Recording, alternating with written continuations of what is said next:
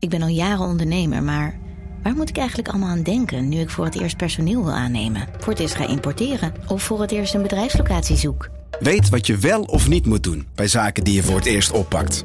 Check kvk.nl voor praktische stappenplannen. KVK, hou vast voor ondernemers. Vanaf de redactie van NRC het verhaal van vandaag. Mijn naam is Thomas Ruip.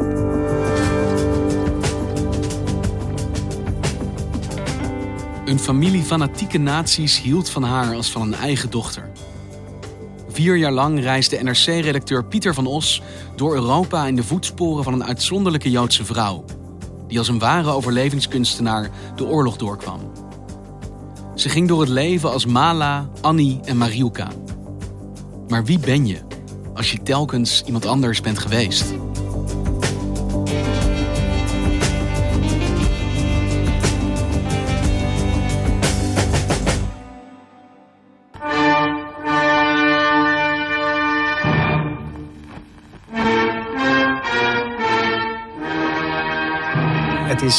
December 1944. En een 16-jarig meisje, Mala Rivka Kiezel, die doorgaat als Annie Dimitroek, gaat met haar gezin naar de bioscoop in Zerbst, midden-Duitsland. En ze zien daar een beroemde nazi-propagandaklassieker, die heet Heimkeer. Zo schön. Zo groot. En die film vertelt eigenlijk het verhaal eh, waarom Duitsland, volgens Goebbels en Hitler, Polen moesten binnenvallen. Weil wir die Heimat wiedergewonnen haben. Zolang Duitsstalige Polen moesten beschermd worden tegen die gruwelijke Poolstalige Polen. De katholieke Polen. Ja, heim, Vater! Heim! Nach Hause! Ist das nicht In die film zitten nog wat antisemitische elementen, maar vooral het voorfilmpje is gruwelijk antisemitisch. Dus vraagt het meisje op de terugweg aan haar vader: Die Joden, hè, zijn die echt zo erg? Waarop de vader zegt: Kind, je zou eens moeten weten, het is nog veel erger. Ze liegen, bedriegen, stelen. En dat, dat, dat wringt voor haar enorm. En dus kan ze niet laten om ook te vragen: Maar heeft u wel eens een Jood ontmoet? Waarop de man eh, zegt: Nee, natuurlijk niet. Wat hij dan nog niet weet en nooit zal weten, is dat zij, dat meisje, zijn adoptief dochter, zelf Joods is. Hey, en Pieter, hoe is dit verhaal van deze Mala, of Annie, zoals ze zich dan noemt, eh, op jouw pad gekomen? Ja, ik ben door een speling van het lot, ik ben mijn vrouw achterna gegaan, ben ik in Warschau beland. En op een dag kwam ik een jongen tegen die ik eigenlijk al heel lang kende. Ik verbaasde me dat ik hem opeens in Warschau zag, Amir Zwaap. En eh, die vertelde dat hij de volgende dag naar de Joodse begraafplaats ging. En hij wilde op zoek naar het graf van zijn overgrootmoeder. En maar toen vertelde hij die dag het verhaal van zijn oma. Dus de dochter van die overgrootmoeder. En zijn oma leeft nog, ook nu nog. Woont in Amstelveen, is nu 94 jaar. En heeft een ongelooflijk spectaculair overlevingsverhaal. En jij hoort het verhaal van die oma, en die oma is Mala. Ja, de oma is Mala. Precies. Uh, zij is geboren als Mala Rivka Kiezel. Ze heeft vele namen gehad. Ze heet nu Marilka Slaver. En jij bent haar gaan opzoeken in Amstelveen. Ja, daar begon het. In Amstelveen trof ik een hele veerkrachtige, krachtig pratende vrouw. Zij heeft zelf ook haar verhaal al een keer opgeschreven met hulp van haar dochter en zoon. En daarmee ging ik op reis hè, in de tijd en in Polen ook. Je moet je voorstellen, Polen in de Tweede Wereldoorlog is het hart van alle ellende. Dat heb ik me ook nooit zo eh, sterk ben ik, eh, gerealiseerd tot ik daar naartoe ging. De stad is niet alleen helemaal kapot gemaakt, echt steen voor steen afgebroken. Maar in Polen zelf heeft een zesde van de bevolking de oorlog niet overleefd. Zo was de Joodse gemeenschap heel groot, 3,3 miljoen mensen. Ehm, daar hebben 3 miljoen de oorlog niet van overleefd. Eh, dus je moet je voorstellen dat 6 miljoen Joden eh, zijn vermoord in de oorlog. 3 miljoen daarvan waren Pools staatsburger. Weet je, ik heb altijd gehoord hoeveel dat is, maar 3 miljoen van Ja. de 3,3 miljoen hebben het niet Ja, overleefd. dat is waanzinnig. Dat is waanzinnig. En dan komen we bij- mijn hoofdpersoon, Mala. Die groeide op in nog eens weer een specifieke eh, gemeenschap binnen eh, Polen. De Joods-orthodoxe wereld. En in die wereld was omgang met niet-orthodoxe Joden al problematisch. Haar vader vond dat zeer problematisch. Ze mochten niet bij ons in de buurt komen. Ze moeten heel orthodox zijn. Maar omgaan met niet-Joden was gewoon, dat, daar was geen sprake van. Dat kwam ook nauwelijks in eh, mensen op in die eh, gemeenschap. Kijk, Polen zijn opgegroeid antisemitisch. Maar ik moet erbij geven, eh, kijk, de Joden wouden nooit met de, met de katholieken wat hebben. En dat maakt het natuurlijk ontzettend lastig om de oorlog te overleven op het moment dat de Duitsers kwamen. Maar zij heeft het overleefd. Ja,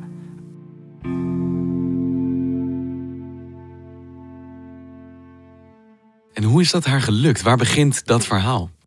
haar verhaal begint in de buurt die later het ghetto werd van Warschau. Dat is een Joodse buurt ten noorden van de oude stad. Dat was een hele arme buurt ook, met veel Hasidische, eh, orthodoxe Joden.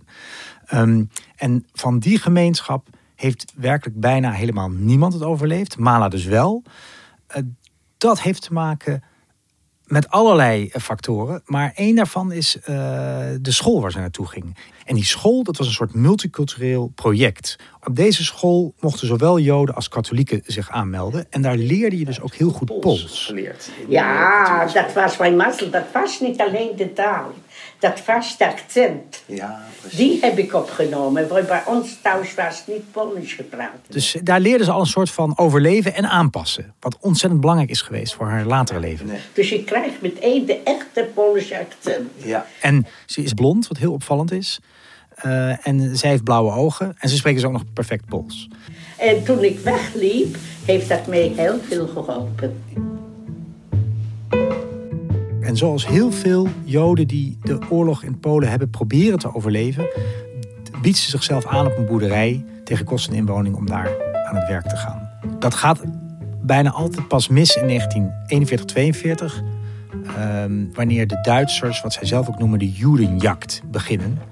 En gewoon echt serieus die dorpjes systematisch afkwamen op zoek naar Joden. De jacht op de Joden. De jacht op de Joden. En dan doet ze iets heel slims. Dat blijkt achteraf haar redding. Zij meldt zich bij de Duitser als Poolse. Met een vals doopcertificaat. Verkregen van een priester op het platteland. Om te gaan werken in Duitsland. In het Rijk zelf. En ze belanden in Bremen. In Nazi-Duitsland. In Nazi-Duitsland. Diep in Nazi-Duitsland. Wat er het mafste eigenlijk aan is. eh, dat ze al direct ontdekt. In die eerste weken in Bremen. Als daar dus als, dwanger, als Poolse dwangarbeider werkt. Dat Duitsers soms aardig doen.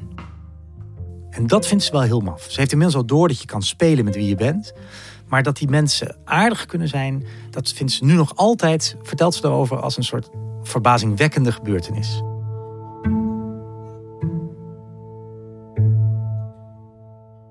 Want hoe vergaat het haar in Bremen? In Bremen gaat het goed, eh, haar, haar relatief goed. Ze werkt als dwangarbeider.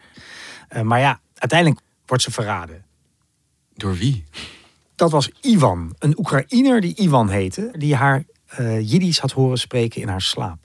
Dus haar moedertaal. Ze kan overdag verbergen wie ze is, maar s'nachts niet. Nee, en de rest van de oorlog is ook als de dood dat dat weer gebeurt. En zet ze altijd een stoel voor de deur als ze s'nachts gaat slapen. Dan hoopt ze dat als iemand binnenkomt dat ze dan wakker wordt. En wat gebeurt er nadat ze door deze Oekraïner is verraden? Dan komt de politie en neemt haar mee naar een heel klein politiebureautje in Wolmeerstedt. En vandaar ze in een echt serieuze gevangenis. Een dwangarbeiderskamp eigenlijk. En daar heeft zij moeten werken en zij wist...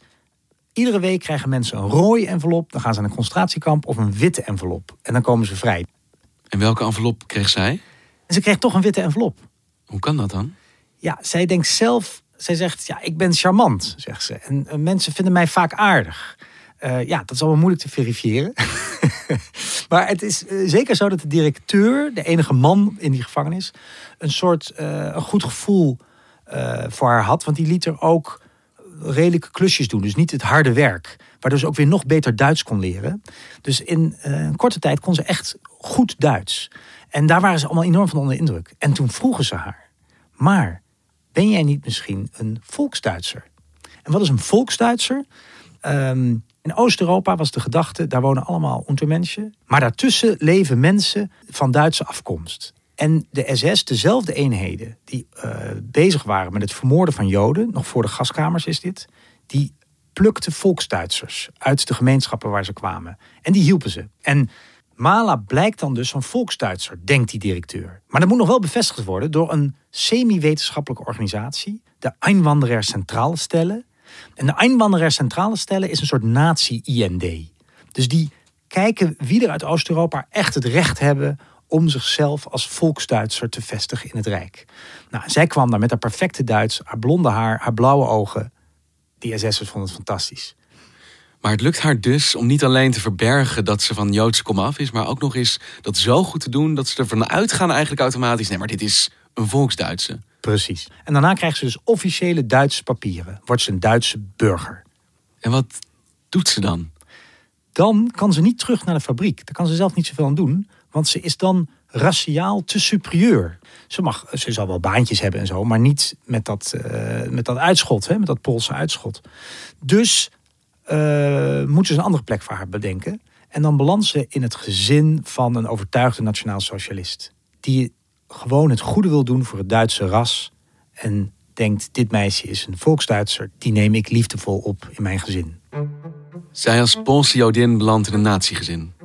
Precies, dan gebeurt het. Dat is de winter van 1944. En dat is de winter dat zij naar de bioscoop gaat.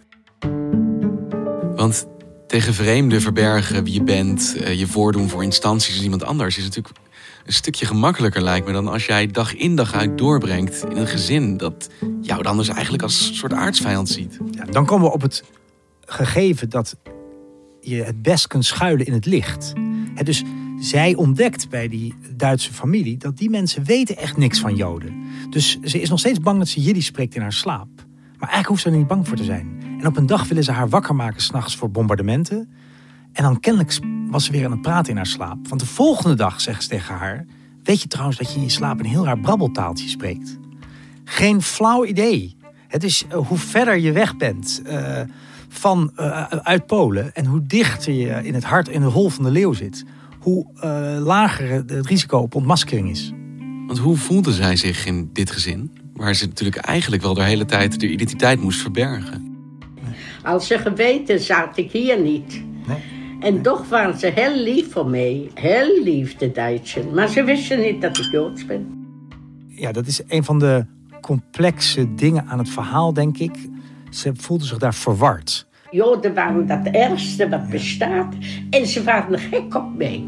Dus uh, ze was aan de ene kant heel dankbaar voor de liefde die ze kreeg. Ze was er verbaasd over, omdat dat gezin veel meer burgerlijke vriendelijkheid zeg maar, uh, vertoonde dan zij ooit had meegemaakt in haar eigen orthodoxe gezin. Haar ouders in Warschau zullen op hun manier ook hun liefde hebben getoond, maar dat ging niet via cadeaus, vriendelijkheid, Duitse gemütlichkeit, zeg maar. Dat, dat bestond niet in dat gezin in Warschau, dat bestond wel in het gezin in Zerbst. En daar voelde ze zich verward over. Ze voelde soms ook, ik ben mijn eigen mensen, zoals zegt ze het zelf, aan het verraden met deze lui. En ik heb haar heel vaak gevraagd, wat nu als, die oorlog, als de Amerikanen de oorlog niet gewonnen hadden? Wat als, what if, hè, wat, uh, als, die, als de oorlog nog wel een jaar of twee of drie langer had geduurd. Had ik bij de Duitsers gebleven. En dan zegt ze vrij uh, helder en duidelijk, uh, dan was ik bij die Duitse mensen gebleven. Ja. Die waren zo lief van mij.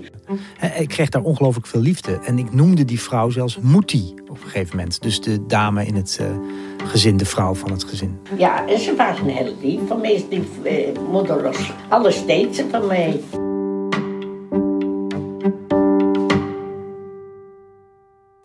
We weten natuurlijk hoe de oorlog verlopen is. Die is voorbij gegaan. En wie was zij dan op het moment dat die oorlog voorbij was? Houdt ze vast aan die nieuw verworven identiteit als Duitse? Of gaat ze terug naar wie ze eigenlijk was, als Joodse?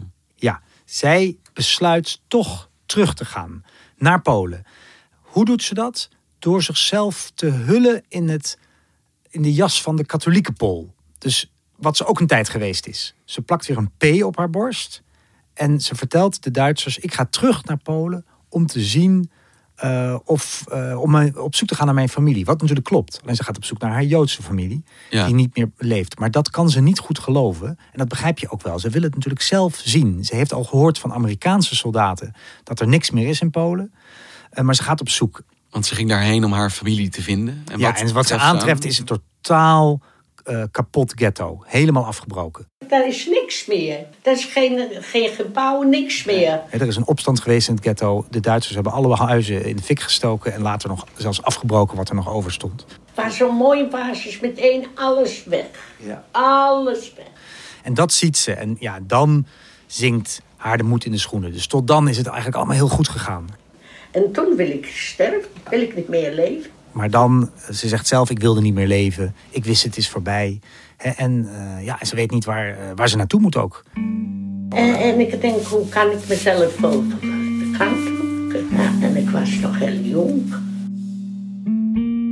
En hoe kijkt ze dan vanaf dat moment terug op die tijd die zij toch tussen naties heeft doorgebracht? En waar ze toch zei, ik ontving daar liefde. Ja. Nu ziet ze wat ze gedaan hebben. Ja, dat vindt ze ongelooflijk moeilijk. Ik, ik heb niet geloofd toen, toen ze me vertelde over Auschwitz. Ze gelooft de verhalen niet van eh, kampoverlevenden die ze ontmoet. Zelfs de man met wie ze trouwt. Aanvankelijk vindt ze het moeilijk om zijn verhalen te geloven. Want ze zegt, ik ken de Duitsers. Zo zijn ze niet. Dat doen ze niet. Dat, is, dat moet je opschrijven. Dus ik denk, zijn de- Duitsers ook mensen, dus dat kan niet dat ze zoiets doen. Nee, precies, Dat precies. kan niet. En dan komt er nog iets bij. In Duitsland is ze verliefd geworden. En op wie is ze verliefd geworden? Op een ingenieur met een groen hoedje en een veer. En die heet Erik Schulze. Want wat betekende die verliefdheid voor haar op dat moment? Ja, veel. Dus zij vertelde me ook dat ze s'nachts droomde dat hij mooie theologische disputen met haar vader voerde. Ik heb nog gedroomd dat ik hem meegenomen naar, naar Warschau. En dat we allemaal aan tafel zitten. En dat mijn vader heel mooi met hem praat. En En dus kortom, ze worstelde heel erg met het gegeven dat ze verliefd was geworden op iemand uit een groep die doorgaans verketterd werd in haar wereld. En andersom. Ze heeft hem nooit verteld eh, dat ze Joods is.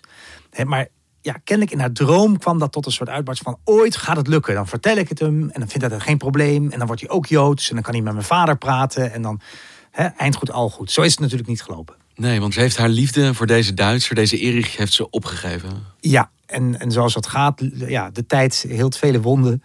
Het heeft wel lang geduurd, zegt ze zelf. En ze is uiteindelijk getrouwd met een eh, Auschwitz-overlevende. En jij zoekt haar daar op, in haar huis. En jij treft een vrouw van 90. Ja. En die vertelt jou dit verhaal. En jij als journalist tekent dit op. Maar hoe ga jij uitzoeken dat dat kleurrijke leven, dat ongelofelijke verhaal, ook daadwerkelijk klopt? Nou, dat is precies waarom ik er zo ontzettend lang over gedaan heb. Ik begon in Polen. En Polen was een grote, teleurstellende eh, zoektocht. Ik heb wel mensen gevonden die over die school konden vertellen. Hè. Maar pas in Duitsland bleek alles in elkaar te vallen. En het meest spectaculaire vind ik zelf... is dat ik die nazi-familie gevonden heb. En zelfs waar ze woonden. En het blijkt dat de kleinzoon daar jarenlang vlakbij is blijven wonen.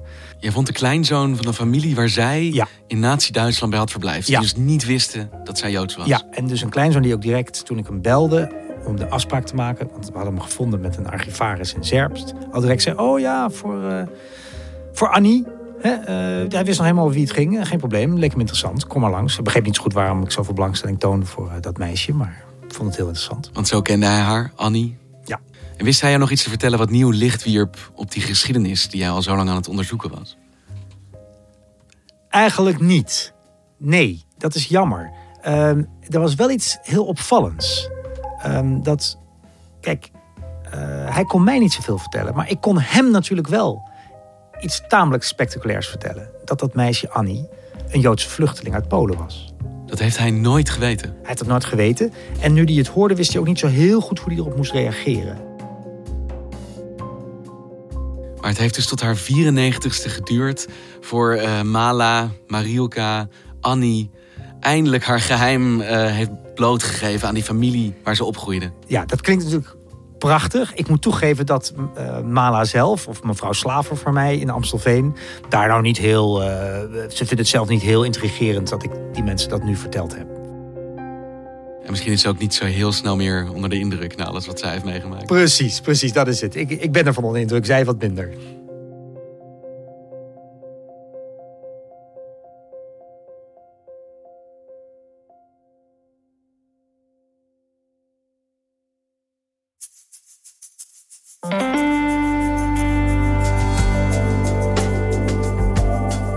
Luisterde naar vandaag, een podcast van NRC. Eén verhaal, elke dag.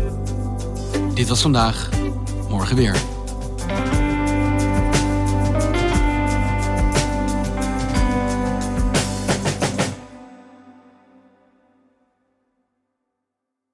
Technologie lijkt tegenwoordig het antwoord op iedere uitdaging. Bij PwC zien we dit anders. Als we de potentie van technologie willen benutten, kunnen we niet zonder een menselijk perspectief. Human-led, tech-powered noemen we dat. Ga naar pwc.nl.